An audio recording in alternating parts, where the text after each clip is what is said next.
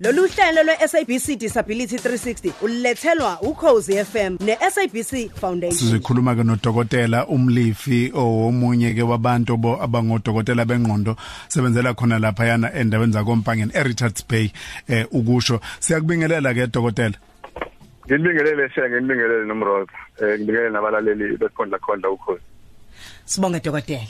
Siyabonga kakhulu dokotela. Sithe asibheke lana dokotela ukuthi imvamisa abantu abanesifo sengqondo bayabakhombisa impawu ezithile eh kodwa yize kunjalo abantu abasondelene nabo eh, uthola ukuthi lezo impawu mhlawumbe baze bangayinaka baze bangayibona ukuthi noma beyibona uthola ukuthi kwesinye isikhathi eh, abakusukumeli phezulu mhlawumbe eh, ungamthathaza uthola ukuthi mhlawumbe umuntu ungabuhambe wazofika kudokotela kodwa uthola ukuthi mhlawumbe ukwesekeleka nasemndenini akukho kodwa kugcine lokho okwakukade kuzimpawu zokuphazamiseka kwengqondo kuze kugcine sekuholela ekuthenini agcine sekhubazekile umuntu. Nganoma ingayiphi indlela kungaba kukhubazeke ngengqondo kungaba kukhubazeke ngokomzimba. Yingakho thake simeme wena usichazele ukuthi iyenze kokuqala into enjalo yiziphi lezi impawu abantu abayijwayele ukuthi babe nazo eh, mhlambe ke ukuze ukwazi nabalaleli bethu ukuthi bayiqaphelisise Ngibonga kakhulu Shenge. Eh ukuyikha phezulu ngizothanda nje sibuke ngoba ke kuvele kakhulu izigulo zomqondo. Siyazi ukuthi umfumfu inyanga ke yokukhuthazwa ke kwako ukuthi sibuke lezi sigulo njengoba ke sibuka ne disability ke ukukhubazeka namhlanje. Kusho ukuthi singakhuluma eh ngezifo zemizwa esithi ama mood disorders kube izifo ke za umqondo esithi thina ke usuphambene noma usudidekile zombili ke lezi zigulo ziletha ukukhubazeka. Uma ngibuka nje imizwa ikakhulu isigulo esivame ukuthi sibhidlange eh esengcindezi ukhwantalala.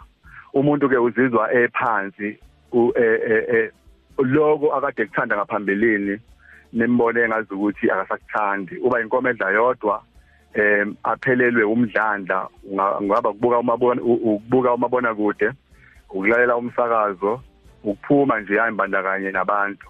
Ikakhulu ke lo muntu umthola eseziyekelela ubuhle engasena engasayishaya indiba indiva ngako. Akasazithandi uhlalelele udla kancane ukhuluma naye uyabona ukuthi umqondo wakhe awukho la uchathanisa usizi. Omunye ke ugcine sekhuluma nangokuthi kungaba kuhle kuba saphili azacabanga nokuzibulala. Ukukhubazeka ke kuvela ngendlela yokuthi uyayeka ukuya esikoleni uma ngabe umfundi esemusha ayeke ukuya emsebenzini makuwumuntu omdala. Eh kuhamba kuhambe ke kugcine sekudlulela ke kuloko ngithi ukuphambana ngokomqondo ngoba indlela umuntu onengcindezi abuka ngayo empilo uqala ke bese esola kakhulu eh abone ukuthi uyathakathwa abone ukuthi udlisiwe abone izinto nina abanye ningaziboni kwesinye isikhathi akagcina ezwa imisindo abantu abangayizwa. Eh agcine ekholelwa izinto eziyinkolo eh, eh, izinto ke ezirong esithina ke ukuba deluded lokho inkoloze. Agcine esenza izinto ezihambisana nako lokukholwa uma ngabe bona nje ukuthi khona afuna umbulala uzohloma abenze ingovolo aqoqe izinto ezizilimazo kusukela kwemimese uma enawo amandla ngaze impela ahlale ehamba nomkhono wekati ephaketheni. Usekhubazekile ke lo muntu ngoba asakwazi ukuphilisana nabanye abantu. Ngeke uzumtshele ngokuya emsebenzini ngokubona kahle ukuthi la beyomqedelela khona.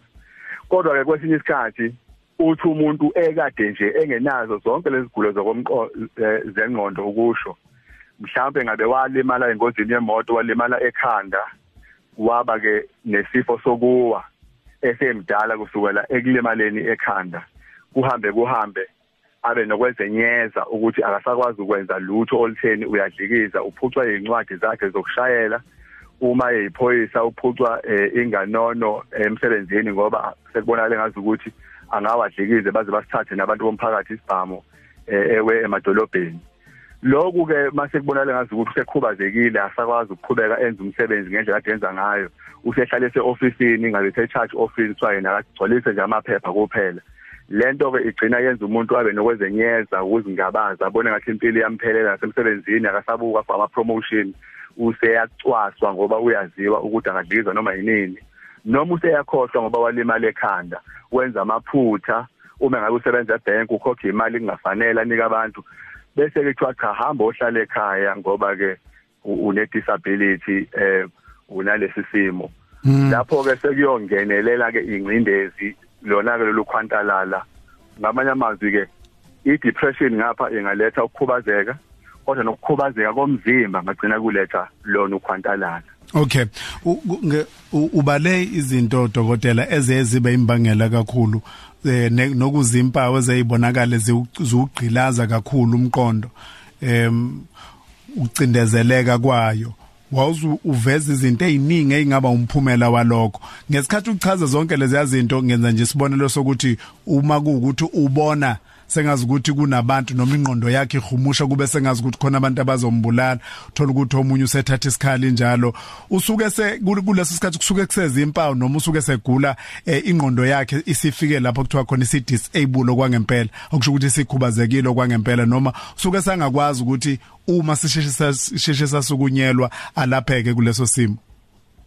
Esikhuthazayo ukuthi nje izihlobo abangani asimazi umhlobo wethu lo ukuthi yini avame ukuyenza. Hayi uyavuka selfu ukuthi adle axoxe into zakhe ahambe.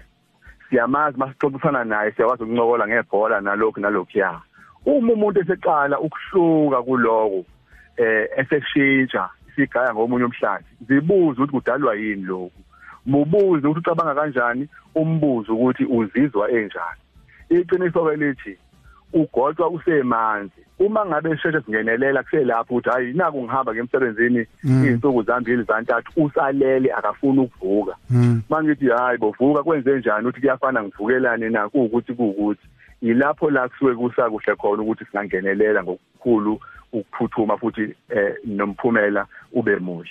Uma ese eqalileka njengoba usho shenge esekholwa ngalendlela akholwa ngayo eyokuphambana ngokomqondo ebona izinto esingayiboniyo thina eseze ahlome futhi kuyingozi kakhulu uma uyilunga lomndeni noma umngane noma umbatha kanye naye ingubo isiqandamathe sakho biza amaphoyisa noma ubize ongoti bakutshele ukuthi fanele umthathe kanjani umphuthumise esibhedlela. Asiphethe ke dokotela. asiphethe dokotela. Omunye eh, mas- masilandelela nje lolu daba sekade silibheka nje omunye odokotela futhi uke wabalula nanokuthi kungaze kugcine sekholele uthola ukuthi kwaqala njalo ukucindezeleka ingqondo kwaba yiyona ephazamisekayo. Kodwa kugcine omunye sene stroke kufika kanjani lapho?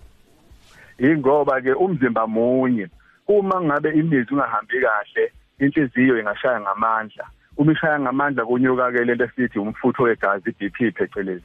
Makunyuka iBP kuqhuma umthambo lapha ebuthosheni igazi likabhakela kubuchopho sekukufa ke kohlangothi lona Dokotela siyabonga kakhulu eh lolu lwazi osinikezile nje lona namhlanje eh nesikhathi osinikeze sona. Siyophinda futhi ngoba sizolokhu silandelela nje sibone ukuthi eh yilupho lunye ulwazi singaphinde silithekele kuwena. Ba- bakuthola lapha bangafisa uku- uku- ukuxhumana nani? Bazosithola ka More Life Health Associate ku 035 7721 821 Cela usiphindele Empakeni inombolo e-Richards dokotela Cela usiphindele inombolo futhi. 035 7721 821 Siyabonga kakhulu Dr Mlivu ngibonge shenge mroza kanye nabalaleli. Sibonga kakhulu kanti lolu hlelo benilwethulela ngezilokothe ezindle SABC Disability 360 Lolu hlelo lwe-SABC Disability 360 ubulethelwa uCause FM no SABC Foundation.